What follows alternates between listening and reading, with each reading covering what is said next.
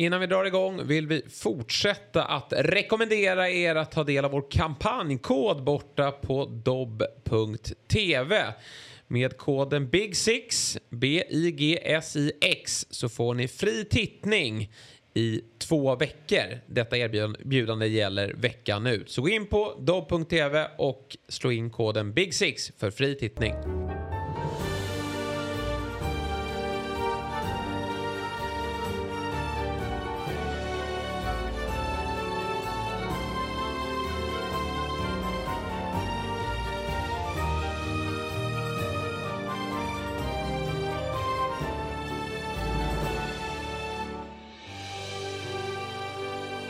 Då säger vi varmt välkomna till Big Six avsnitt 7. Omgång 3 är färdigspelad och jag antar att jag har med mig en smått lyrisk Fabian Jalkemo i studion. Ja, nej men det, eh, det var fan länge sedan jag kände de här känslorna efter en fotbollsmatch och eh, vi eh, ska ju såklart prata mer om matchen senare men fan den, den mesta glädjen jag kände, jag har känt en likgiltighet för Manchester United så fruktansvärt länge och Eh, att komma upp i puls och känna de känslorna man kände igår både med demonstrationen innan matchen och stämningen på läktaren och såklart att slå sina största rivaler. Det, ett, eh, det var lätt att gå upp idag. Det var väldigt lätt att gå upp i morse. Ja, alltså det är en sak att ni, ni behövde ju verkligen studsa tillbaka efter två inledande förluster. Men att få göra det mot just eh, Liverpool då, värsta rivalen och ja, trycka ner dem ytterligare i, i, i skiten får man ju ändå säga. Det, det måste vara otroligt skönt för er och, och, det kanske var, man brukar alltid prata om så här, tajmingen i att möta motståndare och det är ju svårt att veta på förhand. Det kunde ju vara ett, liksom ett, ett extremt revanschlustet Liverpool som känner att de här två första omgångarna, de, de, det speglar inte vad vi står egentligen, utan nu kliver vi ut och gör en riktigt bra match.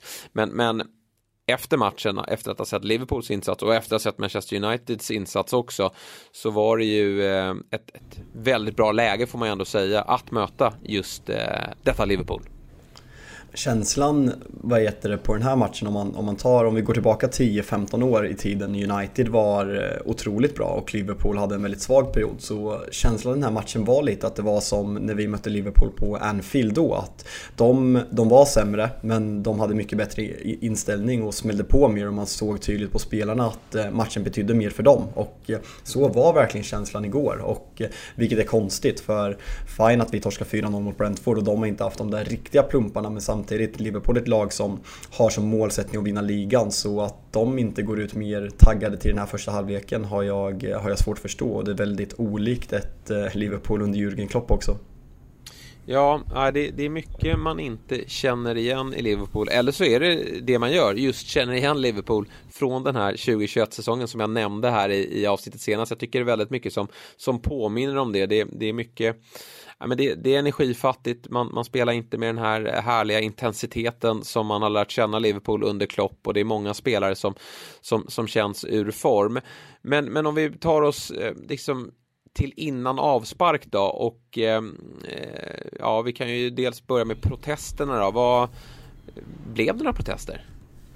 Alltså det var ju, folk började ju fråga mig liksom med kanske fantasy-ögon i, eh, i nacken att eh, tror du att matchen kommer spelas om man vågar sätta bindel och sådana saker på Sala. Men det var ju enorma protester, kanske de största hittills eh, senaste, senaste åren. Men skillnaden var väl att de var relativt fredliga. Det var väl något debacle när en, en, en buss med ungdomssupportrar från Manchester United skulle bli slussade och eh, folk på Tollgate som marschen av, avgick ifrån trodde att det var Liverpools spelarbuss. Eh, så de eh, dunkade några flaskor på glasen där men annars var det en enorm uppslutning och Eh, de bilderna som kollades ut på Twitter när, eh, när, de, eh, när de vandrar sjungandes ner på Warwick Road mot Old Trafford var, det var riktigt mäktigt och känslan är väl att det kommer fortsätta. Och den här stämningen togs ändå även in på läktaren vilket det var länge sedan man hörde en sån här stämning på Old Trafford vilket såklart är väldigt roligt för mig som supporter. Ja, men och övrigt då inför matchen då. Startelverna släpptes och jag kan väl inte säga att jag tyckte att någon av startelverna Eh, imponerade. Men jag kände väl ändå nästan mest oro kring eh, Manchester Uniteds elva. Jag tänkte väl att eh, ja, men det var oerfaret, ganska så offensivt eh, balanserat också. Men, men det har ju visat sig att det är nog Christian Eriksen som ska ta, ta platsen som, så som läget är nu. Om man inte tar in ytterligare någon central, in en central mittfältare så är det väl Eriksen som kommer att ta platsen bredvid Casemiro Eh, i det långa loppet också. Nu var det ju han bredvid eh, McTominay här. Och sen då lite överraskande tyckte jag ändå att eh, Elanga fick starten. Men, men det visade sig ju att eh, den, den tanken från Ten Hag var helt korrekt då. Att eh, sätta Ronaldo vid sidan som ju inte har det här eh, ja, men, han har inte pressspelet i sig och har inte omställningsspelet i sig eh, så om man jämför med, med Rashford och Elanga och Även, även Sancho och sen då i, i backlinjen kanske mer eh, förvånande på så sätt då att Maguire är lagkapten men eh, sett i prestationer så, så var det ju helt korrekt då att, att spela Varann och Martinez. Vad, vad kände du kring, kring Uniteds elva? Alltså grejen är att just att Ronaldo och Maguire skulle bänkas har väl det ryktats ganska mycket om. Framförallt Maguire då Martinez och Varann har, har spelat tillsammans på träningen hela veckan. Men att Eh, man trodde ju ändå att Martial var tillbaka i träning, Ten Hag sa att han var redo. Eh, men när det visar sig att han inte är redo för 90 minuter, att han fortfarande petar Ronaldo och sätter in Elanga där, det är ändå ett jävla statement. Och eh, det säger ju något om vad för, vad för matchbild han, han såg framför sig i den här matchen. Och jag kollade lite statistik på det där från, från The Athletic och Eh, United gjorde alltså 65 maxlöpningar i matchen mot Brentford och eh, igår gör man 155 stycken. Ja. Så det, det, säger ju någonting. Alltså så här, vi, vi pra, Gurra pratade senaste avsnittet om att han vill gilla att Ten Hag lät oss springa efter, efter matchen mot Brentford så mycket mindre de sprang under den matchen. Och eh, kollar man på samma statistik igår så, så gav det resultat. För United springer mycket mer än Liverpool, man har mer total distans, man har mer eh, maxlöpningar. Något som under Jürgen Klopp har varit Liverpools, ja men det, det är där de har varit kända för, de här maxlöpningarna, pressspelet, kontringsspelet. Så att United i stort sett utklassar Liverpool på det här planet tycker jag visar att eh, Ten Hag gör något rätt och han pratar mycket om den här inställningen som är så viktig i hans spel och det, eh, det var jävla framsteg igår. Ja, för det är en sak att ställa ut då 11 spelare som har eh, kapaciteten att jobba hårt och, och, och komma upp eh, rätt i pressen och även kunna ställa om. Men det är en annan sak att, att få med sig spelarna. Man skulle ju nästan vilja, eh, nu är ju inte United med i projektet All or Nothing, men det hade varit spännande att vara med på eh, och höra laggenomgången här, för han får ju verkligen med sig alla 11 spelare. Och, och jag tycker att att liksom så här, just Maguire också, men även att Luke Shaw är inte med och att den nya vänsterbacken Malaysia, Shaws ersättare här, han kliver ju också in med en, med en härlig frenesi tillsammans med Martinez och eh, just att de, de får med alla, eller att Ten Hag får med alla elva att jobba så här hårt. Bruno Fernandes, har han någonsin eh, sprungit så här mycket eh, i en Manchester United-match tidigare? Han har ju varit avgörande på, på många sätt under åren sedan han anslöt, men, men den här arbetsinsatsen, den har väl inte Bruno stått för tidigare? Nej, och Bruno har ju blivit väldigt kritiserad av många supportrar eh, egentligen det senaste halvåret att han har varit direkt dålig efter hans fantastiska start. Och eh, det är som du säger, alltså det känns verkligen som att de sidorna vi såg av många United-spelare igår, liksom Lisandro Martinez kanske ansiktet utåt för nej, den, den här furbo-sydamerikanska svineriet och samtidigt som hans inställning i straffområdet gör mig snudd på tårögd. Och samma sak med Bruno, arbetsinsatsen han gör och liksom vilket jobb han tar. Marcus Rashford också, Jadon Sancho. Det, eh, det kändes verkligen som att det hade hänt någonting mentalt med, med spelarna. Och eh, folk, folk pratar om, är det här rätt väg att gå? För Manchester United att man indirekt parkerar bussen, man har 30% på boll på, på hemmaplan. Men jag, jag, tycker det är en jävligt felaktig bild och en dålig analys av matchen. För jag tycker ju Manchester United är fullständigt överlägsna Liverpool första 25 minuterna. Och eh, gör även rättvist 1-0. Kunde varit både 2 och 3-0 under den här perioden. Och sen blir det naturligt. Alltså, man ska inte glömma hur bra Liverpool är i grund och botten. Det är ett av världens tre bästa lag de senaste fem säsongerna. Att att ett så dysfunktionellt Manchester United då lägger sig på lite försvar tycker jag snarare visar att eh, att Erik Ten Hag har en variation i sitt managerspel som man kanske inte visste om från tiden Ajax. Jag tycker bara att det är ett styrkebesked att man, att man kan spela båda typerna av fotboll under den här matchen. Absolut, och sen tycker jag också, eller jag tror att Uniteds 11 fick energi av att se Liverpools 11 och jag vet att, att Fabinho har varit svag i inledningen och det var ju ett en, en tydlig markering från Klopps sida att han, att han väljer att sätta honom vid sidan. Men när man ser det där centrala mittfältet, när United ser det centrala mittfältet, då tror jag att de blir boostade och känner att ja, men vi har en chans så kan vi vara så ja, men så energiska som vår tränare vill att vi ska vara, att kunna eh, komma upp i, i, i pressen över hela banan, då kommer det här mittfältet få det jobbigt. För att ärligt talat, Liverpool har ambitioner här nu om att såklart slåss om alla titlar, precis som de gjorde i fjol. Men att, att mönstra ett mittfält med eh, Henderson, James Milner och Har eh, Harvey Elliott, det är ju för svagt.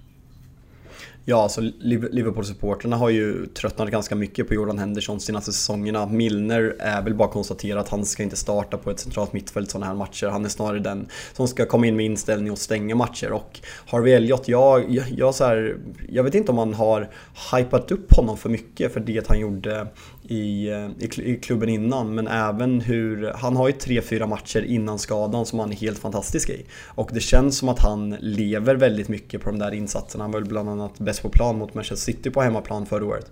Men han har ju inte kommit tillbaka i samma och att Klopp väljer att eh, peta eller om det är ett statement mot att Fabinho har varit svag i just den här matchen på Old Trafford när man, när man dessutom har Thiago skadad visar sig vara ett enormt felbeslut för Fabinho hade varit vital den här matchen.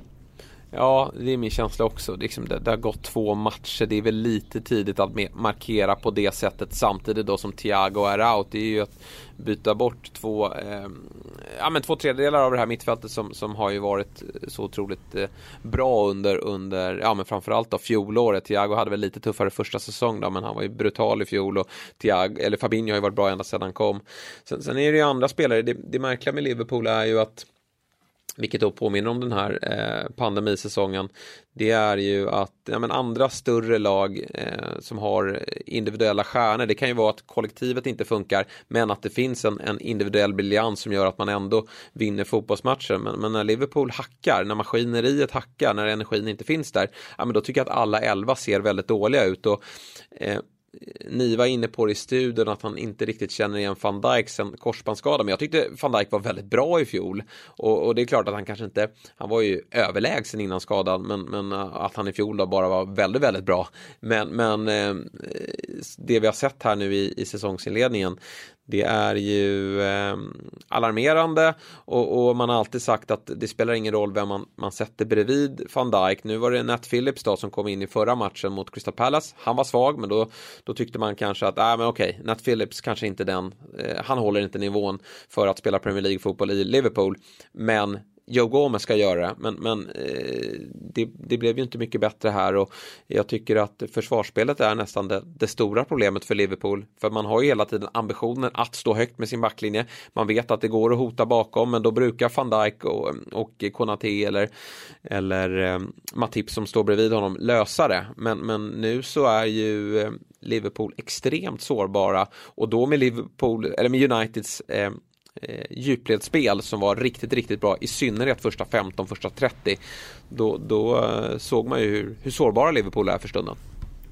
Jag tyckte man såg det, det, det, väldigt tidigt. Rashford får ju en superchans när han är ett dåligt första touch när han kommer ut på vänster när van Dijk är van Dijk och lyckas komma, komma han ställer offsiden, misslyckas och sen kommer han ändå ifatt de där 10-15 metrarna på en av ligans snabbaste spelare. Men jag eh, man reagerade lite. Jag håller ju heller inte med Erik Niva. Jag tyckte van Dijk var väldigt bra förra säsongen efter korsbandsskadan. Men eh, jag, man reagerade ändå redan lite förra säsongen på hur loj han var. Att det kändes som att han, han gick på halvfart. Han, han kände liksom, jag är mitt och liksom om jag ställer en offside så kan jag jogga tillbaka för det var inte mitt fel. Och känslan är ju lite samma sak. Alltså aktionen han har mot Mitrovic. Jag har aldrig sett van Dijk agera så i eget straffområde. Jag tycker han är inblandad. Det är såklart Fabinho och Nat Phillips som kanske är mest inblandade i eh, Wilfried Wilfred Zahas mål i omgång två. Men jag tycker att van Dijk tar en löpningen direkt och inte tjurar för att eh, Philips Phillips missar offsiden eller gnäller på linjedomaren för att han tror att det är offside så hinner han upp den. Och eh, hans agerande på, på 1-0 målet igår jag vet inte vad han gör. Jag såg, jag såg en jämförelse, det ser ut som Liam Gallagher sjunger Wonderwall med armarna bakom ryggen tyckte jag var en jävligt passande bild och eh, det är ett, jag tyckte ändå att det var jävligt uppiggande. Liksom van Dijk är ju liksom storkukslugnet personifierat i det här Liverpool och verkligen deras ledare att Milner, alltså dunderlackar på honom. Jag fattar inte vad han tjafsade om först men sen visar det sig att det är, det är Milner som dunderlackar på hans agerande vid 1-0 och det, är ett, eh, det var jävligt fint att se.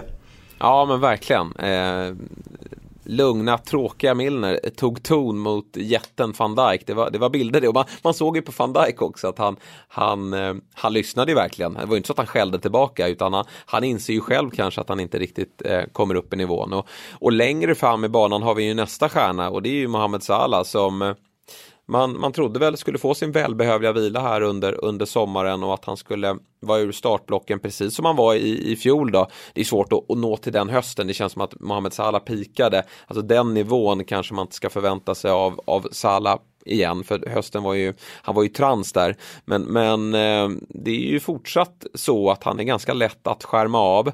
Han, han springer runt och är ganska frustrerad och, och kommer inte loss från sin position och när han väl får lägena så, ja, nu gör han ju ett nickmål till slut.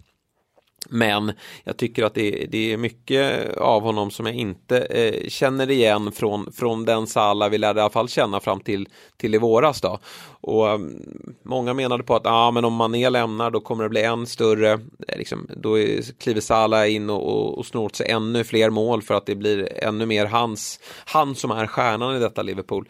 Men jag eh, tycker att han, han känns väldigt isolerad ute på, på kanten och just nu så är han inte det hotet som, som Klopp behöver att han är. Det låter ju sjukt men jag kände verkligen så här att Alltså även när, det är klart att man, man var nervös, det var liksom mer en vilopuls, men jag kände inte den här riktiga nervositeten egentligen någon gång igår, för jag tyckte att Liverpool var väldigt, väldigt ofarliga egentligen hela matchen och Eh, det, det grundar sig väldigt mycket i Sala som de vill söka och jag tycker att Malaysia gör väl en bra insats men jag tycker att hans positionsspel och hans aggressivitet i vissa lägen är väldigt oroväckande. Så att Sala inte kan utnyttja det, den en mot ettan ännu bättre egentligen och lyckas med det sista tycker jag men visar att han inte är den spelaren som han var för ett år sedan. Sen kan han vända på det, kan han inte det, har det med åldern att göra att det inte flyter liksom. Och eh, samma sak med, med Luis Diaz som eh, ha, han gör ju allt så jävla bra men det är ändå något som, som saknas där. Vi, vi såg ju både Varann och eh, Dalot får ju ta varningar för att han är så svårstoppad. Eh, men med det där mittfältet de har igår, en iskall Bobby Firmino och en Salah som inte alls känns i slag så, så kändes det relativt säkert för jag tyckte inte ytterbackarna i Liverpool kom upp som de brukar göra heller. Nej, och de känns inte särskilt heta med, med sina fötter heller, Robertson och Trent. De är också tagna av den här eh, säsongsinledningen eh, kan jag känna. Jaha, men vad tror vi om United framöver då? För det, det går ju att, om, om, om jag ska vara Eh, hård mot det här så går det ju att hävda att den här matchen passade United ändå väldigt bra. Alltså ett Liverpool som är trögt för stunden och, och som absolut inte har fått igång alla cylindrar. Och så ett United som gillar att spela omställningsfotboll. Det såg vi även under Olle Gunnar Solskär att den här typen av eh, omställningsspelare eh, kunde trivas i den här typen av matcher. Nu väntar ju Southampton i, i nästa match och, och då blir det väl kanske mer boll för United och då ska man föra matchen kommer, blir det här liksom starten på, på en, en, jag ska inte säga framgångsera för Ten Hag, det, det, är, det, det är för tidigt att dra de växlarna, men blir det starten av, av att man kommer att inom, inom en närtid att se bättre ut? Eller tror att problemen fortsätter när man möter så kallat sämre lag där man förväntas föra matchen? Alltså det är det här som på något sätt är så jävla charmigt med, med supporterlivet för om man verkligen var på rock bottom i, eh, efter matchen mot Brentford förra lördagen så är det verkligen nu att man, man börjar tro på det. Man, man tror på Erik Ten Hag, vi får in en, en defensiv mittfältare som vi har hungrat över i eh, ja, nästan över tio, över tio års tid. Eh, mycket talar för att United kommer gå ganska hårt på Anthony som vi såg hans agent la ut en bild på honom när han, när han kollade på matchen igår. Sen så pratas det även om backup-målvakt och även en eh, konkurrent till Dalot på högerbacken. Så känslan är att det kommer hända väldigt mycket. Jag tycker att det är positivt att Eh, han spelar med alla sina tre nyförvärv i eh, matchen igår och att de gör det väldigt bra vilket gör att man, om man får bara spekulera, man, man känner en positivitet kring eh, vilka som kommer komma in. Sen är ju Anthony alldeles för dyr, det, det, kan vi ta någon annan gång. Men det är klart att jag vill tro på det och jag, det ska bli väldigt kul att se dynamiken på mittfältet om exempelvis Fred får spela tillsammans med Casemiro som han gör med bravur i brasilianska landslaget. Om Fred kan bli en ny spelare när han får en, en balansspelare bredvid sig så det är, ett, det är ett, en ödmjuk positivitet aktivitet som United-supporter man, eh, man har idag. Mm. Eh, och sen då ändå en eh, fråga som fortsatt är värd att lyfta. Det är ju ändå problemet Cristiano Ronaldo för det kommer ju vara ett problem att fortsätta ha honom i truppen om han ska sättas på bänken i den här typen av matcher. För jag kan tänka mig att United nog vill spela den här typen av fotboll mot egentligen samtliga Big Six-lag. Eh, för det, det, det passar eh, United där de står just nu och det passar Ten Hags filosofi och det är dessutom väldigt framgångsrikt. Och, och, Ronaldo, ja han, han eh, ska väl snart kliva ut och berätta sin sanning. Men det är väl ohållbart. Eh, hela, hela situationen, den blir ju bara än mer ohållbar.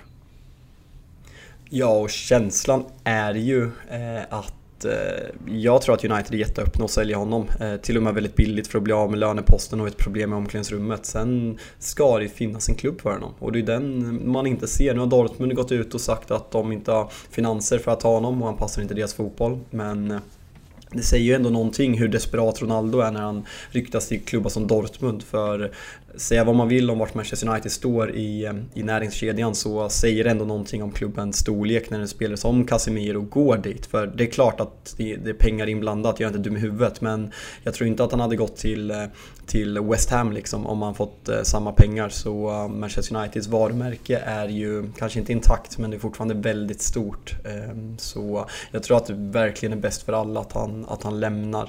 Det är ju, undrar hur han känner sig när liksom Martial får komma in i 45 och han han själv får spela fyra minuter, det är, ett, eh, det är fan inte bra för hans ego. Nej, det är ju verkligen inte det. Även om han ställde sig upp och, och jublade där vid, vid 1-0 målet, det, det, måste han väl göra, annars så blir det alldeles för uppenbart. Men han såg ju märkbart irriterad ut på, på uppvärmningen. Han ville absolut inte hälsa på Carragher, men det där kan jag tänka mig att han, han steg ju i din bok i alla fall. Eh, det var ju, tycker jag, en underbar sekvens. Ja, den, den är fin. Jag tycker Rio Ferdinand eh, skrev det roligt när han skrev typ eh, att Ronaldo fick Jamie Carragher göra en 360 som på gamla goda tiden när han blev uppsnurrad. Eh, och, ja, verkligen. Alltså, det, det, man har ju en problematisk relation till Jamie Carragher för man avskydde honom ju som spelare men jag, jag tycker han är helt fantastisk som pandit och hans kemi med Gary Neville är liksom, man har nästan glömt att han är den Liverpool-spelaren är för man, man tycker om honom. Han verkar vara en jävligt, jävligt reko person. Om vi bortser från att han spottar på unga tjejer. Eh, ja, precis. Bort. Ja, nej, men de men, om, men, var de har hittat dynamiken där i den där studion, nu står de ju på, nere på plan här, men alltså de där tre, just det här med lite så här skitnödigheten i, i svensk media med att man håller på ett lag, eh, ja, det, det, får absolut inte synas, alltså vi vet att Erik Niva håller på Tottenham och så vidare, eh, men, men jag tycker att, och samtidigt så kan det ju, som när Bojan pratar, ibland kan det gå lite överstyr att han är för mycket Manchester United, men jag tycker att de håller det ju på en, på en perfekt nivå, de kan ju fortfarande vara väldigt ja, men de kan vara väldigt mycket supportrar samtidigt som de också kan hålla sin eh, kritik på, på rätt sätt. Eh, så att eh, nej, den där, den där, den där dynamiken den, den är ju verkligen klockren och det kommer ju även Michael Richards och, och Rednap och, och andra gubbar är ju, är ju skickliga. Ja, verkligen. Nej, det, ska, det ska de verkligen ha cred för, Sky Sports, vad, vad de har gjort. Sky Sports resa medialt i tidningsform och silly season-rykten går det att ha en lång diskussion om vad, vilket fördärv det har blivit. Men på studio tycker jag att man är helt överlägsen i fotbolls-Europa. Men om jag bara får fråga dig gällande, vi pratar om United, vad som kommer här. Hur, hur allvarligt är det med Liverpool? Hur mycket växlar ska man dra av det här, eh, känner du?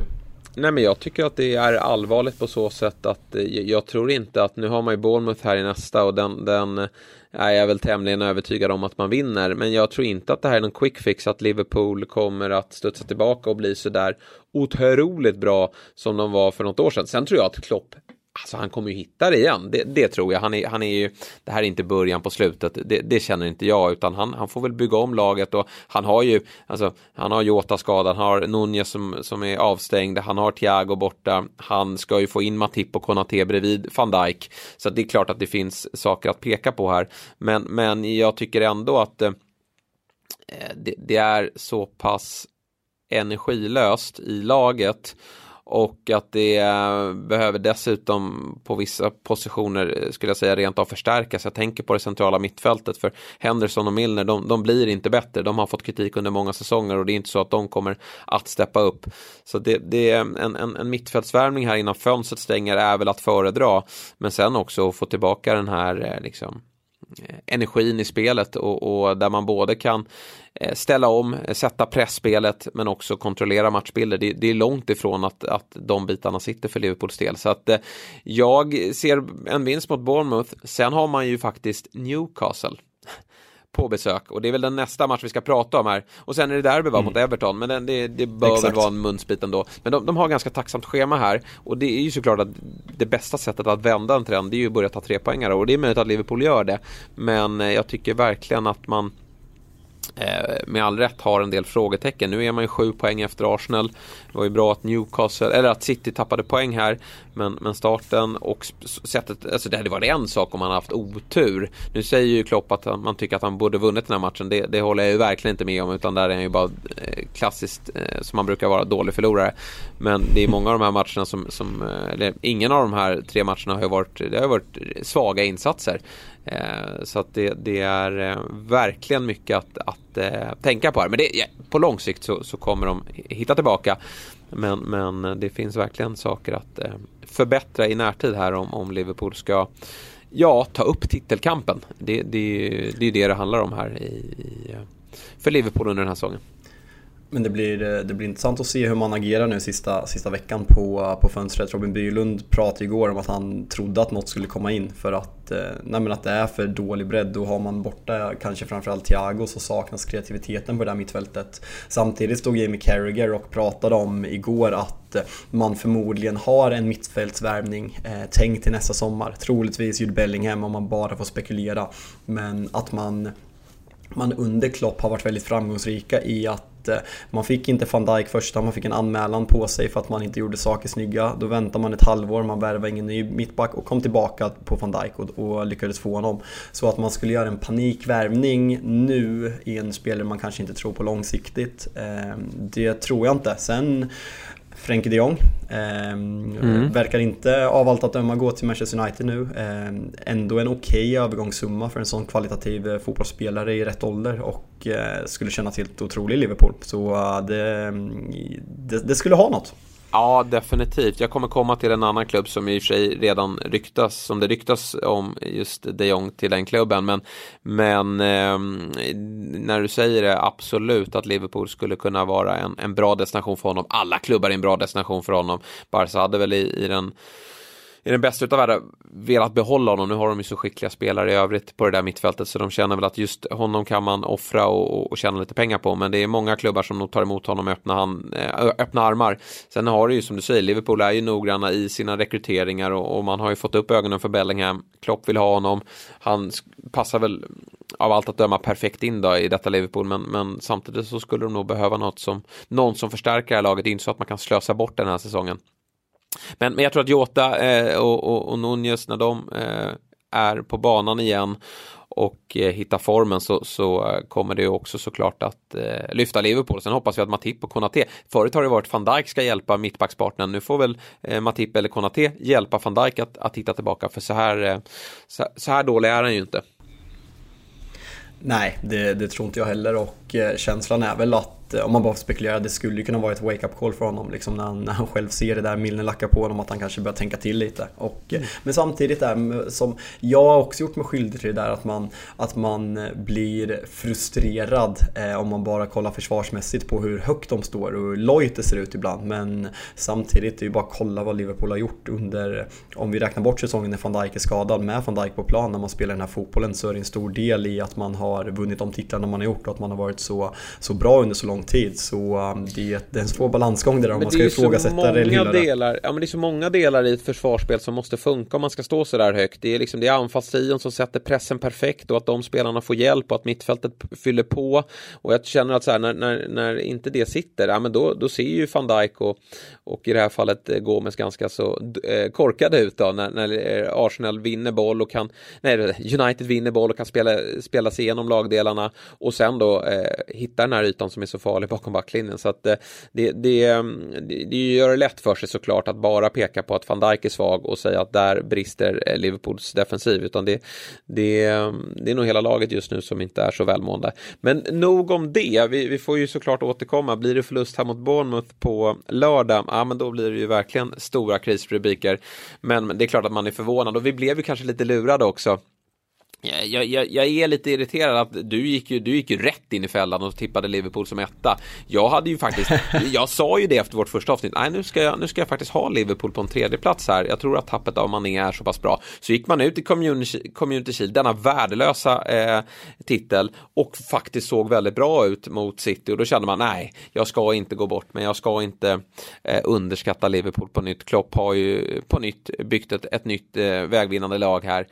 Så uh, jag är lite besviken på mig själv att jag inte vågade ha Liverpool lite längre ner i mitt tabelltips. Så du sitter ju verkligen med, med dumstruten på.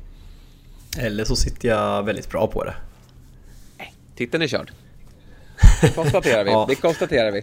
Eh, ja. Så får, får, vi äta upp det senare. Du, ett lag som, där titeln inte är körd då, det är väl Manchester City då. Men Eh, Eh, det blev ju lite grus i maskineriet här då, i eh, Shake-derbyt på St. James' Park i en otrolig fotbollsmatch eh, där Newcastle verkligen bjöd upp till dans. Man hade lite så här frågor inför matchen. Vilken, liksom, med, hur kommer Newcastle kliva in i den här matchen? Kommer man att stå lågt och, och parkera bussen och eh, bara eh, hoppas på att City har en sån där dag när, när bollen inte vill in? Eller kommer man liksom ta med det här som Eddie Howe har nu byggt upp och rida vidare på den här säsongstarten. Man har ju fått in massa skickliga fotbollsspelare och framförallt så är det väldigt mycket positiva vindar i, i klubben. Och, och, kanske att den här starten för Manchester City då, eh, gjorde ju 1-0 eh, tämligen omedelbart då, eh, såklart då, Gündogan som är igång igen. Eh, det kanske var eh, bra för Newcastle för då fanns det egentligen bara en väg att gå och det är att vara lite mer framåtlutade och vara mer offensiva och det är det som passar Newcastle allra bäst. För jag tycker att Newcastle gör en, en riktigt, riktigt bra match här. Det här är väl egentligen eh, nu, jag kan ha glömt en match förra året, men sen saudierna tog eh, över här så är väl det här eh, Newcastles största statement på, på flera år. Om, om vi, vi kan nog till och med gå, gå ännu längre tillbaka, att man står upp på det här sättet mot ett otroligt bra Manchester City. Och att man, att man visar att många av de spelarna man hade redan innan övertagandet håller på den här nivån och liksom gör det bra och kommer vara bra truppspelare framöver. Sen jag, jag, vet inte om man liksom överdriver, både du och jag är färgade för att vi håller Premier League väldigt, eh, väldigt högt och som världens bästa liga i både kvalitet och underhållningsmässigt men fy fan vilken, vilken start vi har haft på säsongen. Det har gått tre omgångar och eh, vilka matcher det har varit. Helt mm. otroligt verkligen. Ja, nej, det är, det är en underbar start och jag Tre, man ska aldrig dra för stora växlar, men jag gillar ju att dra stora växlar. Men, men jag, jag, hoppas ju verkligen att vi kan få en, en, en levande tabell i alla delar utav den. Eh, och, och, och, då säger jag inte att vi ska, förra året hoppades jag på att det skulle bli tvålagsrace hela vägen in. Nu sitter man ju och hoppas att det ska vara fler lag som är inblandade i det här racet. Jag tror att många av de här lagen som har känt kanske att Liverpool och eh, City är hopplösa eh, nu efter den här starten eh, med tanke på att eh, det, det, är en speciell säsong med VM mitt i och det ska spelas väldigt många många matcher att de här topplagen, de, även de kommer gå på sina minor här under säsongen och det ger ju såklart energi till utmanarna Chelsea, Spurs och Arsenal här att, att eh, shit, det, det kanske att vi, vi kan vara med och utmana eh, ja, men, över 30 omgångar i alla fall.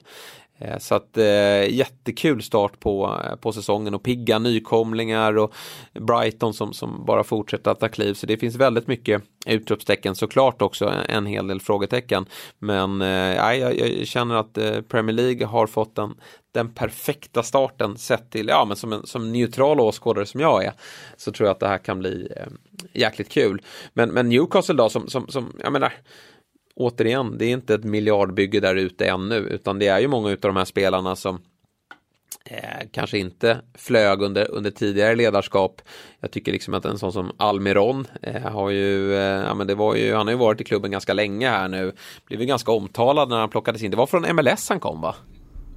Ja, det var väldigt dyr också och ja. Eh, floppade ju något kopiöst innan man sattes ner på det här mittfältet. Det är ju liksom en eh, löpstark mittfältare om vi, om vi pratar FM-språk. Eh, så den, den såg man inte komma. Nej, exakt och, och fyller på bra in i boxen och, och Saint Maximin hade ju en sån där dag när han vaknade på rätt sida och, och var ju, ja men Kyle Walker, herregud, han hade det tufft där ute på, på kanten. Han är ju snabb Walker, men han kanske inte är den, liksom, han, han är ju snabb på långa sträckor, men, men han har det ju tufft att förflytta sig i sidled när Maximin drog igång med sina galna finter. Och äh, backlinjen, den är ju äh, stabil. Nick Pope gör ju, trots att han släpper in tre mål, en riktigt bra match. Han räddar ju några riktiga monsterlägen från Håland. Så att, ja, men Newcastle som lag, jag stör mig här att jag hade West Ham som, som, som liksom bästa utmanare till eh, West, West, Ham ser riktigt, West Ham ser riktigt deppiga ut alltså. Ja, eh, de gör och, verkligen det. Frågan är om Moise är inne på sista kapitlet. Ska, vi, vi pratade om det tidigare också men det ska bli kul att se Newcastle sista veckan nu. Man har ju budat på Madison sen tidigare och nu har man även kommit ut rapporter att man har fått två bud nekade på Jack Harrison som gjorde en eh, väldigt fin insats mot, eh, mot Chelsea och gjorde ja. väl 1 plus 1 va? Mm. Eh, så jag, jag tänkte säga det när du var inne på att, man, att det är kul att tycka mycket och våga sticka ut. Det är det som är så skönt med att ha två avsnitt i veckan, att vi kan förra torsdagen ställa frågeställningen om man har underskattat Chelsea för att idag förmodligen när vi kommer in på den här matchen toksåga dem och säga att det är kris i klubben igen. Så eh, det, det är ju charmen med det här. Ja, men så är det verkligen. Vi hinner verkligen att eh, ändra åsikt på, på, på resans väg. Då. Eh, City då, ändå starkt tycker jag att de, de har ju lite strul defensivt där. Defensiven som har sett så, så väldigt bra ut. De började matchen med Ake och, och Ake som har varit riktigt bra. Eh, han och Stones fick börja, lite märkligt kanske att Diaz får eh, kliva åt sidan men det är många matcher som ska spelas men, men det blir ju tidigt byte. Men det är eh, ganska rörigt där bak och, och um, när Newcastle gör 3-1 då känner man ju att det här, eh, otrolig frispark för övrigt från, från Trippier. Eh, men eh, då känner man att det här blir tufft att hämta hem men, men det Bröne och eh, Håland då, som, som är ju de två som ska göra det, de, de kliver ju fram här. Och sen tycker jag liksom att Bernardo Silva, 1 plus 1 i den här matchen, han visar ju att eh, hur viktig han är för, för detta Man City och vad, av allt att döma då så, så verkar han ju bli kvar också. Det är de där platserna som, alltså det har ju inte riktigt lossnat. Vi, eh, vi har Mares och vi har haft Sterling senaste säsongerna men Bernardo Silva visar ju och det, det ska också en, en spelare som jag tycker ska hyllas som egentligen alltid ligger i skymundan i Manchester City och många trodde att han skulle lämna. Han gick väl själv ut och sa att han, att han troligtvis ville lämna eh, i Ilka Gündogan som ja. jag tycker är helt fenomenal i den här rollen. Många pratar om KDBs offensiv medan KDB kanske har, alltså han fyller ju på och är mer kraftfull men Gündogans eh, skärpa i att komma i de här andra bollarna och få lägen i straffområdet är det är så fascinerande och det är egentligen jag tänker på Prime Lampard i den här ja. förmågan att, eh, att hitta de här andra bollarna och hitta rätt löpningar. Sen var Lampard en mer kraftfull spelare men det eh, det är så häftigt att se de här typerna av mittfältarna med den här ögan för, för lägen. För Gündogan har varit en av ligans bästa spelare första tre matcherna. Ja, och nyckeln här tror jag för Pep det är väl att få in alla de här tre i Citys offensiv. För det var ju Bernardo användes ju, nu var han på kanten eh, i utgångspositionen då. Han kliver ju såklart gärna in centralt också. Men, men det var ju mycket Rodri, eh, De Bruyne och eh, Bernardo. Så fick ju Gündogan, trots att han var väldigt bra säsongen 2021. Lite mer stå åt sidan i fjol, men nu är han tillbaka i den här offensiva mittfältsrollen trots då att det var rykten om att han skulle dra. Och eh, nej, han, är ju fenomenalt bra i att tidigare hade de ju eh, David Silva som var ju mer av en klassisk playmaker som han, han, han eh, satte ju spelarna i otroliga lägen eh, sista tredjedelen genom att trä in bollarna på alla möjliga olika oh, märkliga sätt. Men, men eh, Gündogan är ju mer en, liksom en, som du säger, Lampard-typ som fyller på och är på rätt plats. Har lite så här skyttekungs-vibbar i sig att alltid stå rätt. Det är ju inga, det är inga drömmål han gör på något sätt, utan det är ju att liksom, många tap-in-mål, vilket eh, ja, City verkligen behöver för att det, deras problem är ju inte att komma till lägen utan det är ju att eh, trycka in dem. Så att eh, bra start för Gündogan. Bara en poäng här, men jag tror inte City är superdeppiga för det, utan de konstaterar nog att Newcastle är ett, ett bra lag och, och snarare en, en skön känsla att man kunde hämta upp ett underläge. Och man tar en poäng på Liverpool också. Sen, det jag tycker man kan, kan reagera på, vi har varit inne på det lite här, Citys bredd. Man gör alltså ett byte i den här matchen i 21 minuten när Diaz eh, ersätter Ake. Annars, eh, när man vill gå för segern borta mm. mot Newcastle så, så gör man inte ett enda byte. Eh, vilket säger något att eh, Pep kanske inte har så mycket förtroende. Mares är väl den som kanske framförallt borde ha kommit in, men där bak kryllar det inte av offensiva beprövade spelare. Så det, det blir intressant att följa hur, hur det kommer se ut framöver. Ja, faktiskt. Sen var han väldigt öppen här efter eh, matchen också. Eh, Pep, han fick ju frågan då om, om Hålands fysiska status. Han spelade ju 90 här och det är inga problem, eh, säger Pep. Men det är just när det blir tätare matchschema när vi ska spela var tredje dag, vilket ju City kommer göra väldigt många gånger den här säsongen, då är tanken att då är det Alvarez som ska vara eh, nia. Eh, Håland kommer inte att spela tre matcher i veckan. Så att eh, vi kommer ju snart få se mer av Alvarez och det är klart att Mares också kommer få sin speltid eh, och, och Grealish var ju skadad i den här matchen då och men det ska vara något eh, eh ska ju vara en lättare skada så han är ju eh, säkerligen eh, strax tillbaka. Men eh, vi får se här då, City som har ju en hyfsat eh, hyfsad uppgift då härnäst, även om de ibland har lite problem då med, med just Crystal Palace. Men eh, det laget som nu leder Premier League då, och de kommer vi till härnäst, det är ju eh, Arsenal som på lördagskvällen på ett eh, väldigt tydligt och enkelt sätt spelar av nykomlingen Bournemouth. Avgjort efter åtta minuter eh, då Arsenal kliver upp i en 2-0-ledning. Och eh, för de som inte har tagit Arsenal på allvar, det finns ju den typen av eh, supportrar från oftast motståndarna givetvis, som säger att äh, men man tittar på tidigare säsonger och de här är inte på riktiga, de möter, de möter sämre motståndare nu och Arteta kan inte, kan inte slå de bra lagen. Men jag säger det, på nytt. Vi sa det innan säsongen, vi trodde mycket på Arsenal. De är på riktigt. Ja, vad fan är det som sker egentligen? Man, ja. Eh, det, ja, men det känns verkligen som att på, på, på så kort tid, alltså de hade den här fantastiska mittperioden, eh, egentligen andra, andra tredjedelen förutom sista 5-6 matcherna förra året. Men sen så chokar man och eh, helt plötsligt så känns det bara Arsenal ska möta Bournemouth och man, man städar av dem som att man är Manchester City. Det, är ett, eh, det ser så självklart ut och varenda spelare de ser ut att trivas och alla levererar och eh, fan man, eh, det börjar nästan bli läskigt för att de, de ser så självklara ut. Och folk pratade innan säsongen när vi, både du och jag tippade om fyra, att man kanske överskattar Arsenal lite. För kollar man på trupperna så har väl både Tottenham och eh, och Chelsea eh, klart bättre trupper och Arsenal känns fortfarande lite ungdomliga, lite ofärdiga kanske. Det är början på en ny era under Arteta när han börjar få till sig. Men känslan efter tre matcher är snarare att man har underskattat eh, Arsenal för varenda frågetecken man hade. Saliba har kommit in och är liksom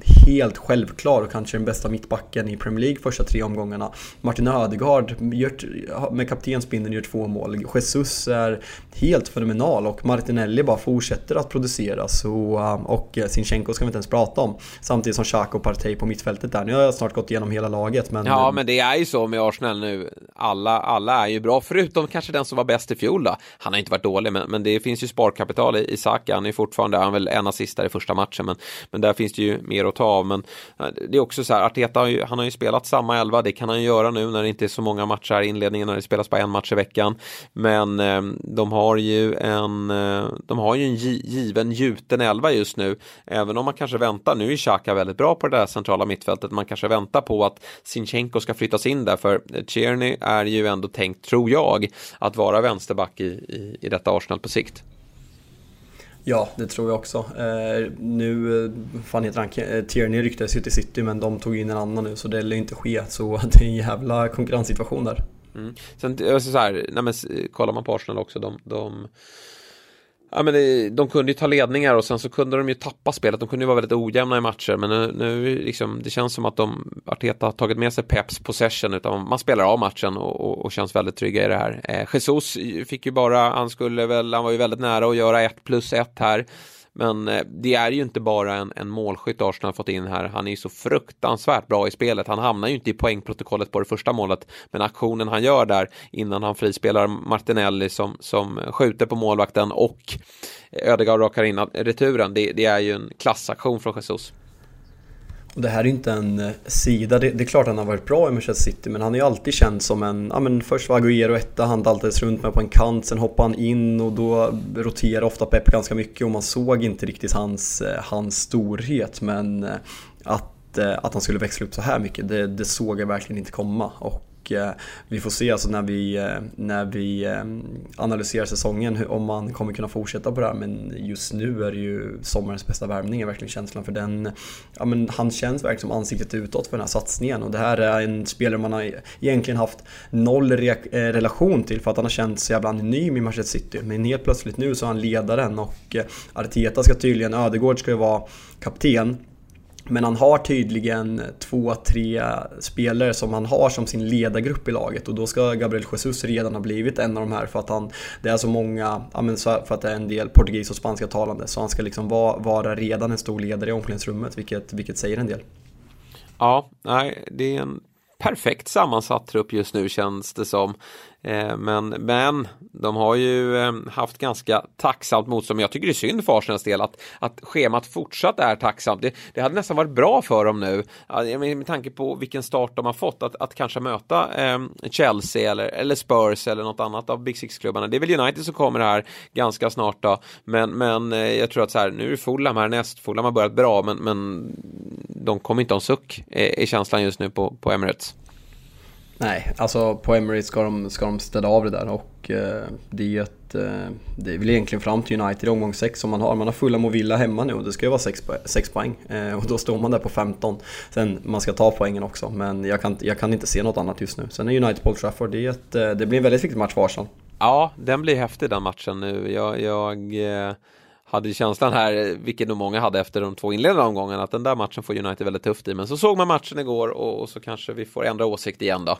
Men, men glatt i, i Arsenal-led. Desto mer ovisst då i, i Chelsea-led. Eh, det var ju eh, ett hatmöte på Ellen Road. Man åker och möter Leeds United. Och eh, att den matchen skulle sluta 3-0 efter vad Chelsea visade upp i, i eh, London-derbyt mot Spurs det såg inte jag komma. Nej, inte jag heller och eh, det, det, var lite kul för jag fick ett, eh, jag tror, om det var avsnitt två eller tre när vi pratade, vi sa att det känns som att att eh, ägaren spelar FM och inte riktigt vet vad, vad han gör, att det känns spretigt, att han helt plötsligt ska värva Fofana, sen ska han värva, sen ska, när han inte fick Kondé, sen ska han värva Gordon för 55 miljoner. Fick jag ett väldigt argt DM av en Chelsea-supporter som sa att jag inte hade någon koll på klubben. Eh, samma Chelsea-supporter skrev faktiskt till mig efter matchen och sa du hade rätt, vi är, ett, vi är en klubb i förfall. Så det är, inte, det är inte bara för oss det går fort. Nej, verkligen. Ja, det svänger fort i, i eh, supporter, inte bara i den här podden då, utan att det svänger fort även bland supportrar. Jag vet inte hur, hur, hur, hur stort, eh, man, vilka liksom växlar man ska dra av den här förlusten. Det är ju väldigt stora siffror och det var eh, mycket som inte stämde i Chelsea till att börja med så tycker jag väl att man kan börja, alltså, alltså när Tuchel ställer ut sitt lag så kan han väl spela, han har världens bästa wingback, eh, Reece James, han kan väl spela honom där. Jag känner det också. Jag tycker att man har tillräckligt bra försvarare för att... Eh, alltså vi, vi pratade om det, jag köper att han gjorde det förra matchen mot eh, när han skulle plocka ner Son men jag tycker att de har visat tidigare att Aspilicueta är väldigt bra i den där höger mittbackspositionen och att man då får in sitt bästa offensiva hot i Reece James. Eh, jag tycker att det är jättekonstigt. Sen, alltså det blir ju på något sätt, Leeds ska verkligen ha cred för den här insatsen men det blir ju på något sätt en en, en freakshow med, med första dundertavlan om en dy. Ja. Eh, sen, och sen kommer ju liksom Ellen Road är Ellen Road och det blir en jävla stämning i de här matcherna och det är väldigt mycket historia mellan de här, mellan de här klubbarna och eh, rent och skärt, skärt hat. Så, och sen när man får 2-0 på bara det så eh, det är klart att det kan springa iväg. Sen Fan, Tuchel känns... Eh, jag, jag backar ju hans beteende i matchen, mot, eh, i matchen mot Tottenham men nu är han alltså anmäld till FA och kommer få en avstängning för kommentarerna han eh, gav gällande domaren i, i derbyt. Och nu känns han jävligt obalanserad i den här matchen också så frågan är vart vi har Tuchel. Vi vet att han har en historia av att tappa det egentligen alla klubbar han har varit. Ja, nej, det är jättespännande att se vad, vad, Chelsea tar vägen här nu. Nu har man ju Leicester hemma, det är en perfekt match att, att studsa tillbaka på då. Men jag tycker också att det centrala mittfältet, jag gillade ju när de Jong ryktet kom upp. Man kanske känner så här att behovet inte är akut när man tittar på Chelseas eh, mittfälts, mittfältsuppsättning, Jorginho, Kanté och Kovacic. Men det där är ett mittfält som har mycket skadeproblem. Kanté som, som såg så bra ut här i eh, det var mot Spurs, han, han började Exakt. väldigt bra och sen så blev han skadad. Kovacic var riktigt bra i fjol men han hade en del skadebekymmer och haft en del skadebekymmer under hela Chelsea-karriären. Jag tycker att de Jong, nu nämnde du honom som en eh, Liverpool-kandidat här på det mittfältet, det här har varit perfekt också. Men, men eh, här tycker jag istället för att hålla på och, och spendera massa pengar på, på, på Gordon, eh, herregud, ta in eh, de Jong så att ni får en, en, en, spelare som ni vet kan, kan starta majoriteten av matcherna och dessutom göra det väldigt bra han, eh, nej, där är det ju bara att gå all in för, för jänkarägaren. Jorginho känns ju eh, hur eh, ledsen Kristoffer Svanemar än kommer bli om man eh, hör det här eh, som att han har passerat sitt bäst före-datum. För det är inte samma spelare, han slår inte lika många passningar, han är inte lika vital i uppbyggnadsfasen och eh, Conor Gallagher, alla blev väl lite småförtjusta i hans förra säsong i Crystal Palace men det är ett stort steg att Eh, starta på Chelseas mittfält i ett lag som ska utmana på alla fronter och Kovacic är ju, han, det känns som han är skadad hela tiden. Men det lyftes ju också det lyftes ju ett, ett, problem i Conor Gallagher också från många är hur han skulle passa. Alltså han gillar ju den offensiva mittfältsrollen som kanske en av tre centrala mittfältare. Riktigt så spelar ju inte Chelsea. De har ju två centrala mittfältare och, och, och gärna kanske lite mer box to box. Jag tycker inte att Conor Gallagher är där. Jag blir inte förvånad om det blir någon lösning här av att han kanske lånas ut sent på fönstret, kanske tillbaka till Crystal Palace. För jag tycker inte riktigt att han har en plats i, i, eh, i detta Chelsea. Nej, alltså det skulle ju vara om man, om man testar honom i Mason Mounts eh, position men den har ju ja. Mount gjort i sig. Eh, så jag tror inte att Gallagher är villig att liksom spela 20-15 minuter per match och starta var femte match när det blir tajt schema sen. Så det, eh, får man in en Frenkie de Jong typ så tror jag inte alls att det skulle vara eh, dumt att, att låna ut honom. Nej, och så jakten på en nia då och det sägs ju vara nära då med eh, Aubameyang. Och det är väl bara att inte ge honom tröja nummer nio då. Det är väl liksom det första man, man börjar med. Utan han får, ge, han får ju en, ett annat tröjnummer. Men är, frågan är om han är lösningen då på problematiken framåt. Jag tycker Sterling börjar den här matchen bra. Han har ju ett riktigt bra läge i, i inledningen där han faktiskt gör det bra eh, när han kommer från kant och, och, viker in och har den i bortre. Sen får han ett bortdömt mål, också ett bra avslut. Eh, så att han har haft lite motvind här, Raheem Sterling i början. Men, men att liksom all press ska vara på honom, att han ska lösa målen, det tror jag inte heller är bra för Chelsea. Så det är väl bra att man får in en spelare som som, som är en målskytt i, i Aubameyang, men då är frågan om han liksom kan hitta hitta tillbaka till högsta nivån i Premier League. Han måste ju vara motiverad. Är han motiverad så tror jag att det är en väldigt bra kortsiktig lösning för Chelsea. Sen, det är fan inte ofta man hyllar Barcelona för vad de gör ekonomiskt, men att man får Aubameyang gratis för ett halvår sedan och nu ska sälja honom för 30 miljoner euro, det eh, får ändå klassas som bra business. Ja, definitivt. Får sy ihop ett litet paket där med, med de Jong också. Och sen så har väl Chelsea har väl några spelare som ska, det är väl inte klart med Alonso än va? Han är väl inte officiell för Barca ännu.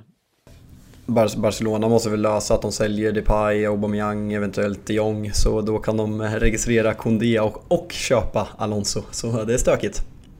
Ja, och Koulibaly han eh, visade upp eh, eh, idioti när han tog eh, sitt andra gula kort här och missar ju nästa match då mot Leicester. Men ja, Chelsea vet vi inte riktigt vad vi har ännu. Eh, och jag vill nog ändå påstå att jag inte riktigt vet vad jag har Tottenham. Resultatmässigt en riktigt bra start. Sju poäng där eh, bortamatchen och i två hemmamatcher. Men där bortamatchen var just mot Chelsea i andra omgången och spelmässigt var inte det någon bra match men man fick med sig en pinne vilket ju är Jätteviktigt. Här möter man Wolves som vi pratade upp lite här med Gurra, eh, Gustav Karlsson där i vårt införavsnitt. Vi kände väl att med Wolves att det, det ser lite, lite trögt ut framåt. Nej, men så här, frågetecken kring vem som ska göra målen och alla dessa yttrar som man testar hela tiden som inte riktigt kliver fram och, och presterar. Men sen också lite frågetecken kring defensiven, att man har frångått tidigare trebackslinje och nu spelar en mer tydlig fyrbackslinje. Collins har kommit in från Burnley, jag är inte övertygad kring hans storhet. Men jag måste säga att i den här matchen så står ju Wolves för en riktigt bra prestation. Man är ju som bäst på det. Alltså vad man har sin kanske starkaste lagdel. Det är ju eh, centrala mittfältet.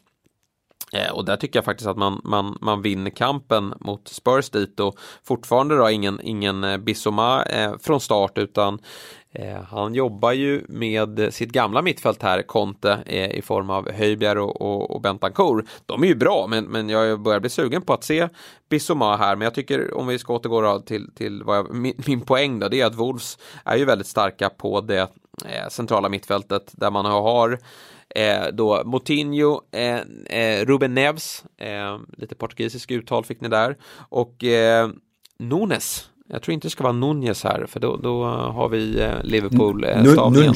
Nunch, nunch. Nunch, kanske det är rätta. Ja, där får någon portugis rätta mig. Kom, kommer jag aldrig säga. Som. Nej, jag säger bara Nunes. Eh, men det, där är man ju väldigt starka på det eh, centrala mittfältet eh, och, och, jag tycker att Wolves får bra kontroll på den här matchen. Spurs har inte alls mycket i offensiv väg och en duo som inte har kommit igång ännu, det är ju firma Kane och Son. Ja, sen det, det, där går ju att ta en annan take på det också, att Kane är iskall och han eh, har eh, räddat fyra poäng de senaste två matcherna. Men jag, eh, jag, jag håller med dig. Och framförallt, alltså kollar man på Wolverhamptons centrala mittfält, det där är ett centralt mittfält många, många toppklubbar skulle ta. Exempelvis min Absolut. klubb. Och Eh, det, det, känns som att det kommer hända, vi lyfte ju det förra veckan, att vem ska göra målen i Wolves? Och känslan är ju sam, precis samma sak efter den här matchen att eh, sån här match måste man ju få utdelning i för annars gör det ingenting att man har det där mittfältet. Och eh, det ryktas väl in någon tjeck eller slovak, borde jag såklart ha kollat upp men det verkar vara en en anfallare på väg in för Wolverhampton som, som ändå känns väldigt viktigt för dem i, i läget nu när Jiménez inte är den spelaren han kanske var. Så eh, det, eh, här har vi Sasa Kaladzic, eh, österrikare. Så han verkar komma in för Wolverhampton. Sen gällande Spurs Ska man, ska man se det som en styrka att man har sju poäng fast man har spelat ganska mediokert i, i tre matcher? Eller ska man börja ställa frågetecken att eh, man kanske inte är så bra som man, man, man tror? Eh, jag, jag, man vill väl vänta lite och se men det, eh, man ska var absolut... Var inte feg nu, var inte feg nu. Säg vad, vad, vad tror du? Spurs är en jävla bluff. Ja, bra. Där får vi, och då säger jag tvärtom då. Jag tycker ja. att Spurs faktiskt, äh, men det här är en styrka. De kommer att komma igång. Jag tycker Kulusevski ser klockren ute till höger. Han fortsätter att liksom vara den, den, den drivande kraften eh, offensivt. Eh, Harry Kane är jag, jag tycker Son är blek. Han, han, där kanske det är dags för en liten petning från Conte. Eh, Richarlison eh, vill ju ha Sons roll där och det kan väl vara bra att tända honom för jag vet ju att Son kommer igång. Det är jag inte orolig över. Men liksom så här, det är viktigt att få igång andra bitar också som nu Perisic startar den här matchen och vi ser att eh, hur bra han kommer bli för detta Spurs. Nu är Romero out men man lyckas ändå hålla nollan. Nej då, Spurs de är, de är i toppen för att eh, stanna här men, men det krävs väl att några individuella prestationer steppar upp och, och det tror jag att Conte känner sig trygg i att det kommer bli bättre. Ja, vi får se. Jag säger bluff. Ja, du, säger, du kör bluffspåret där och, och så kommer du ändra dig i, i nästa avsnitt då. Eh, Spurs har väl West Nej, det är Nottingham Forest här nu på bortaplan. Och det var en match som jag, om vi ska ta lite the rest då, jag, jag satt och, det är fint tycker jag med, med lördagar klockan 16 när det bara är skitmatcher. Eh, för det blir ju så lätt att man sitter och kollar på, på topplagen då. Eh, men, men Everton Nottingham, eh, en, en, en ganska svag fotbollsmatch. Det var högt tempo men, men rent så tekniskt eh, så, så eh, ja, brister hos båda lagen. Och det kommer ju bli en jobbig säsong för Frank Lampard, det har vi slagit fast. Och det, eh, det finns ju ingen som, gör, som kan göra målen. Nu lyckas man ju till slut. Man kommer till, det finns ju en del, jag tycker Gordon är en, är en bra spelare, sen tycker inte jag han är Chelsea-material, framförallt inte för den prislappen. Och, och Gray är också Eh, bra, men, men Rondon han har ju passerat sitt bäst före-datum och det, det, behövs nog. Nu kommer väl Calvert Lewin, skadan är ju inte så allvarlig som man först befarade. Han är väl tillbaka ganska snart, men eh, jag tror att Everton skulle må bra av att få in en anfallare som, som kan Eh, täcka upp bakom där som är bättre än Rondon för att jag tror inte DCL har haft sin sista skada för året. Nottingham tycker jag är en pigg eh, nykomling. Det är ju fortfarande som så att de har tagit in väldigt många spelare. Gibbs White fick hoppa in i den här matchen. Det är många, Eh, många nya spelare i elvan från vad de hade i fjol. Eh, men de, eh, de tar ändå en poäng här även om det såklart ser ut att tappa det sent. Men de har fått en bra start på säsongen och jag gillar Neco Williams. Man ser att han är Liverpool-fostrad på så sätt att han gått bakom Trent Alexander-Arnold. Det, är en, det är en riktigt, riktigt fin wingback. Han har kommit in i det väldigt bra och han, ja, men offensiv, bra fot och kommer in i straffområdet väldigt mycket. Och Eh, jag tycker att man ser om man, Fulham ska också såklart hyllas för, för inledningen de har gjort både poängmässigt och spelmässigt. Men det, man, om man jämför nykomlingarna så, um, så vi var väl lite skeptiska efter, efter Nottinghams eh, premiärmatch. Men jag tycker att man har visat de två senaste matcherna att man är att räkna med. Och det syns på kvaliteten på spelarna att man har värvat för väldigt, väldigt mycket pengar kontra Fulham och Bournemouth. Och och eh, känslan är att det kommer bli ännu, än, ännu bättre för det verkar komma in ännu mer spelare. Så det ska bara bli kul om de, se om de värvar sin fjärde vänsterback nu som det ryktas om i fönstret. Ja, det är liksom det, slut, det upphör inte. Det vore nästan bra för Nottingham om, om fönstret stängde här nu för annars så, så har man ju bränt ut sig fullständigt. Sen har ju de en riktigt bra målvakt och uh, där ska du inte känna frustration utan som United-supporter utan det där kommer ju bli bra när de Geas dyra kontrakt går ut och ni får in Dean Henderson. Ja men där, uh, otroligt smart rekrytering. Nu, nu tar ju Everton en, en del ganska onödiga avslut från lägen som inte är så farliga. Men Henderson är stabil och, och um, kommer att eh, ja, men han kommer vara värd eh, att man, man lånade in honom. Det kanske man ska vara mer långsiktig i, i, i sina rekryteringar och, och, kanske ta in på kontrakt. Men, men jag tycker att den här, eh, det här lånet fyller verkligen sin funktion. Det kommer, jag tror Nottingham kommer att hänga kvar. Men skulle det bli som så att man blir indragna i, i någon form av sträckstrid, vilket absolut inte är omöjligt såklart. Ja, men då tror jag att det kommer avgöras mycket på, på en sån typ av position och där är Dean Henderson, eh, ja, eh, han, han, han ska ju tillhöra övre halvan av Premier League. Ja, eh, absolut. Eh, sen kommentarerna, vi får se vad som händer helt enkelt. Vad, vad tar man med sig annars då? Alltså om man bara tar lite små saker så är det ju West Ham och eh, Leicesters fortsatta kraftgång. Att eh, Leicester ja. torskar med, med 2-1 hemma mot Southampton är ju inte, inte jättebra för läget om mig. Och nu väntar alltså Chelsea borta, United hemma. Och man har väl en poäng efter, efter tre matcher. Så det där kan ju bli, kan bli riktigt, eh, riktigt krismässigt. Sen tar man ja. även med, om jag bara får, innan vi går in på på kanske Leicester framförallt, eh, Wilfred Zahas eh, insats mot Aston Villa. Nu har han varit riktigt fin två matcher i rad och eh, fan han är, han är fin alltså. Ja, verkligen. Och här kanske han är väl tesen som talar emot, eller han är väl argumentet som talar emot min tes här. För att jag lite så här med Declan Rice och Jared Bowen som West Ham typ vägrar att släppa. Och, och, det är lite farligt när, när, när riktigt, riktigt bra spelare slår i taket i en klubb. Då kan liksom motivationen brista och, och um, då sitter man med, med missnöjda spelare som kanske väntar ut sina kontrakt snarare och så tjänar man inga pengar på dem. För West Ham måste ju också veta någonstans var de står i näringskedjan. Jag vet att de har ambitionen att vara en, en ännu bättre klubb än vad de är. Men det kan också slå emot dem. Eh, Wilfred Zaha, han har ju länge velat lämna Crystal Palace men, men någonstans nu har väl han passerat 30-strecket här och känner väl kanske att nej, det, här är, det här är nog den nivån jag når upp i. Jag blir, jag blir snarare en legend här i Crystal Palace hellre. Och nu, eh, ja, han har ju rivstartat säsongen, gjorde det ju bra, han gjorde väl 13 kassar i fjol och att en sån spelare är uppe och nosar på, på 15 kassar eh, per år, det är, jag tycker det är riktigt starka papper. Verkligen, och det, det, är så kul. Jag skulle, jag skulle dra ett litet minisvep eh, gällande The Rest där och eh, missar ju att eh, Brighton går upp på 7 poäng, slår West Ham borta och Fulhams galna matchen i, på, på Craven Cottage där Brentford hämtar upp 0-2 till 2-2 och sen gör Mitrovic tar revansch från straffmissen mot Wolverhampton så det jag sa i början, fy fan vilken inledning på Premier League vi har. Det är liksom, ja, nej, det händer, händer något i varje match. Kul med Fulham där också, Marco Silva, det är ju en sån här tränare, lite, eh, ja men, eh, hipstertränare, någonstans som alla liksom känner att han har en, en, en tydlig metod och, och den där gubben kommer att lyckas. Eh, han, eh, och mycket också på grund av att han fick en så bra start i Watford när han eh, tränade dem eh, någon vända här ganska nyligen i Premier League. Men sen så började det ryktas om Everton, kommer du ihåg det? Eh, mm. Att, att eh, de skulle köpa loss honom och han ville bort och sen eh, blev det ingen övergång. Men, men efter det ryktet så raserade ju Watford och Silva fick till slut sparken. Sen gick han till Everton, det blev skit. Nu eh, har han då varit med och, och, tagit upp Fulham och stått för en extremt offensiv och positiv fotboll i Championship.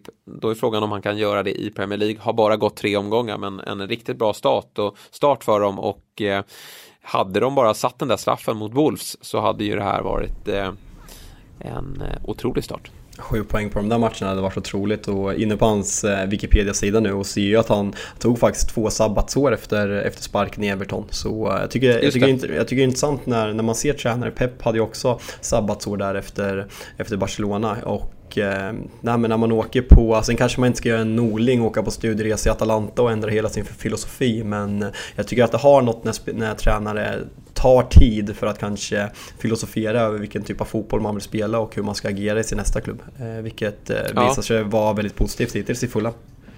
Men tog inte Eddie Howe också sabbatsår? Jo, exakt. Han, han var väl nästan arbetslös i ett och ett halvt år. Eller ja. Ett, ett, ett, ja, något sånt. Det var ganska länge. Precis, ja, men det är nog inte så sunt. Och det visar också på att bara för att man bränner sig och får doja någonstans så, så behöver det liksom inte vara över och att man får eh, att, att tränarkarriären är körd. Utan det, det finns kvaliteten där eh, och ledarskapet, ja men då, då kan det ju faktiskt eh, bli bra på nytt.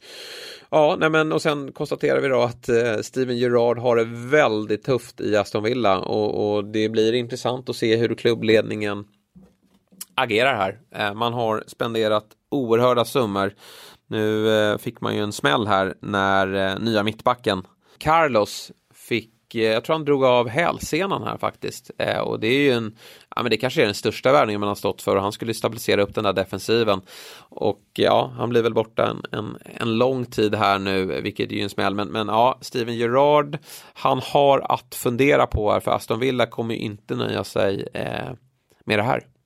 Får Mings tillbaka binderna i Gerard nu när han är tillbaka i elvan eller vad, vad händer? Ja, det är också en bra fråga. Jag såg även att Steven Gerard, eh, eh, eh, Ismail Azar, eh, tidigare Watford, eller han är i Watford idag, men han gjorde det ju bra här i inledningen av Premier League förra säsongen. Han eh, ryktas, har ju ryktats till lite olika klubbar, Leeds bland annat, eh, men nu skulle det vara, man var överens, Aston Villa och Leeds var överens. Men då efter att Steven Gerard träffat spelaren i fråga så drog sig Villa ur. Man undrar ju vad Sarri har sagt. Ja, han har kanske ja. hånat honom för att han ramlade mot Chelsea. Stig Gerard, Gerard. men, jag vet inte.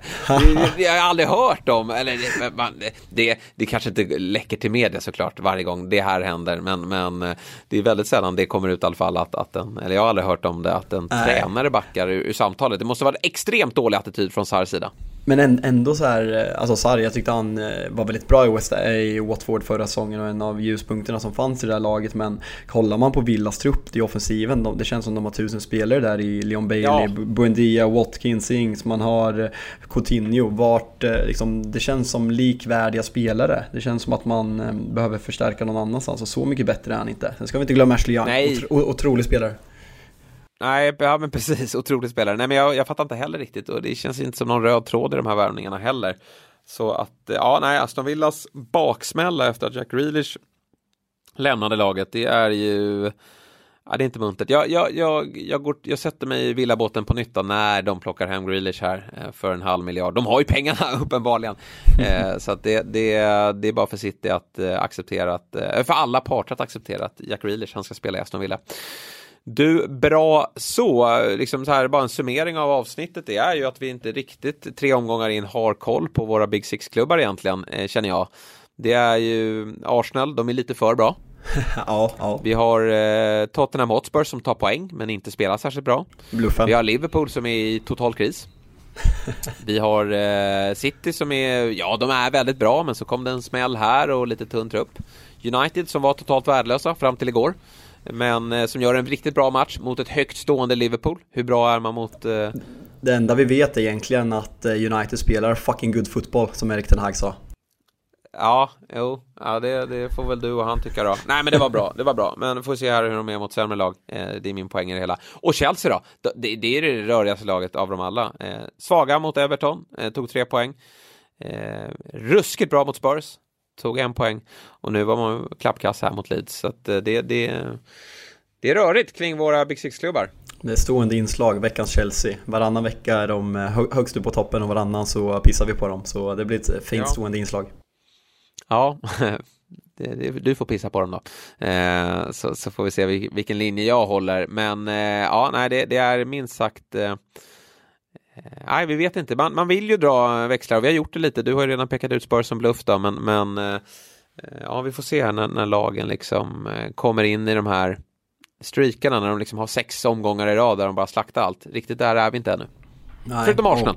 Ja exakt, snart eh, Champions League-lottning också så det ska bli kul att se hur, som du var inne på förut, det är ett tajt schema och det kommer spelas match var, var tredje dag snart. Jag tror att de hade räknat ut 3, var 3,1 dag eh, Eh, fram till VM när Champions League drar igång så det kommer bli ruggigt, ruggigt tajt och eh, jag tror väl till och med att ligacupen drar igång idag i samband med Europakvalen att Newcastle bland annat spelar. Så eh, fan, borde de inte ha lagt ner den jävla kuppen i år när det är så tajt redan? Ja, det är märkligt alltså. Det är eh, otroligt. Eh, det är klart att klubbar som ligger ja, men som Crystal Palace och de här lagen som, som inte, Aston Villa också för den delen som inte spelar i, i Europa tycker väl att det är okej okay, men, men ja för de här toppklubbarna är det ver verkligen problematiskt och man tycker så här när, när Liverpool ska ge sig ut, man såg bänken igår, ja det, det, det blir nog tufft för, även för dem att vinna i, i första omgången av, eh, eller tredje omgången är det väl man kliver in, är det fjärde omgången de kliver in kanske? Uh, tredje kliver väl storklubbarna in i, äh, jag, ja. nej jag vet inte fan förresten, FA-cupen är ju tredje. Uh, så jag, ja. jag vet fan inte. Nej, uh, vi får återkomma till det. Men du, bra Fabbe, det där var ju som vanligt matnyttigt. En bra summering tycker jag av det som eh, skedde till helgen då. Och vi är väl tillbaka på torsdag igen då. Mm, så får vi stämmer. se om vi har med oss en eh, gäst. Mm, jag vill bara, jag tycker att jag har varit väldigt snäll idag så jag måste ju avsluta med en liten provokativ kommentar och eh, bara lägga upp en frågeställning som lyssnarna kan fundera på om eh, den här, eh, den här paraden som Liverpool hade för att man vann två mäktiga ligacupen och FA-cupen om det verkligen gav så mycket energi med tanke på att sett ut i ligastarten. Så fundera ja. i små grupper och sen kan vi diskutera det på torsdag igen. Ja, det ska bli kul att höra deras eh, svar på den. Det är eh, minst sagt frustrerat i Liverpool-led och eh, ja, vi får väl ringa upp Bylund här snart och, och reda ut saker och ting. Han, han lovade ju över 90 poäng och tittade race mot City. Han var riktigt svag på Twitter igår faktiskt. Ja, han är frustrerad. Han är förbannad. Det, det äh, säger jag. Bra eh, Fabbe, då tackar jag så mycket för idag eh, och tack till er som har eh, lyssnat. Vi hörs på torsdag igen.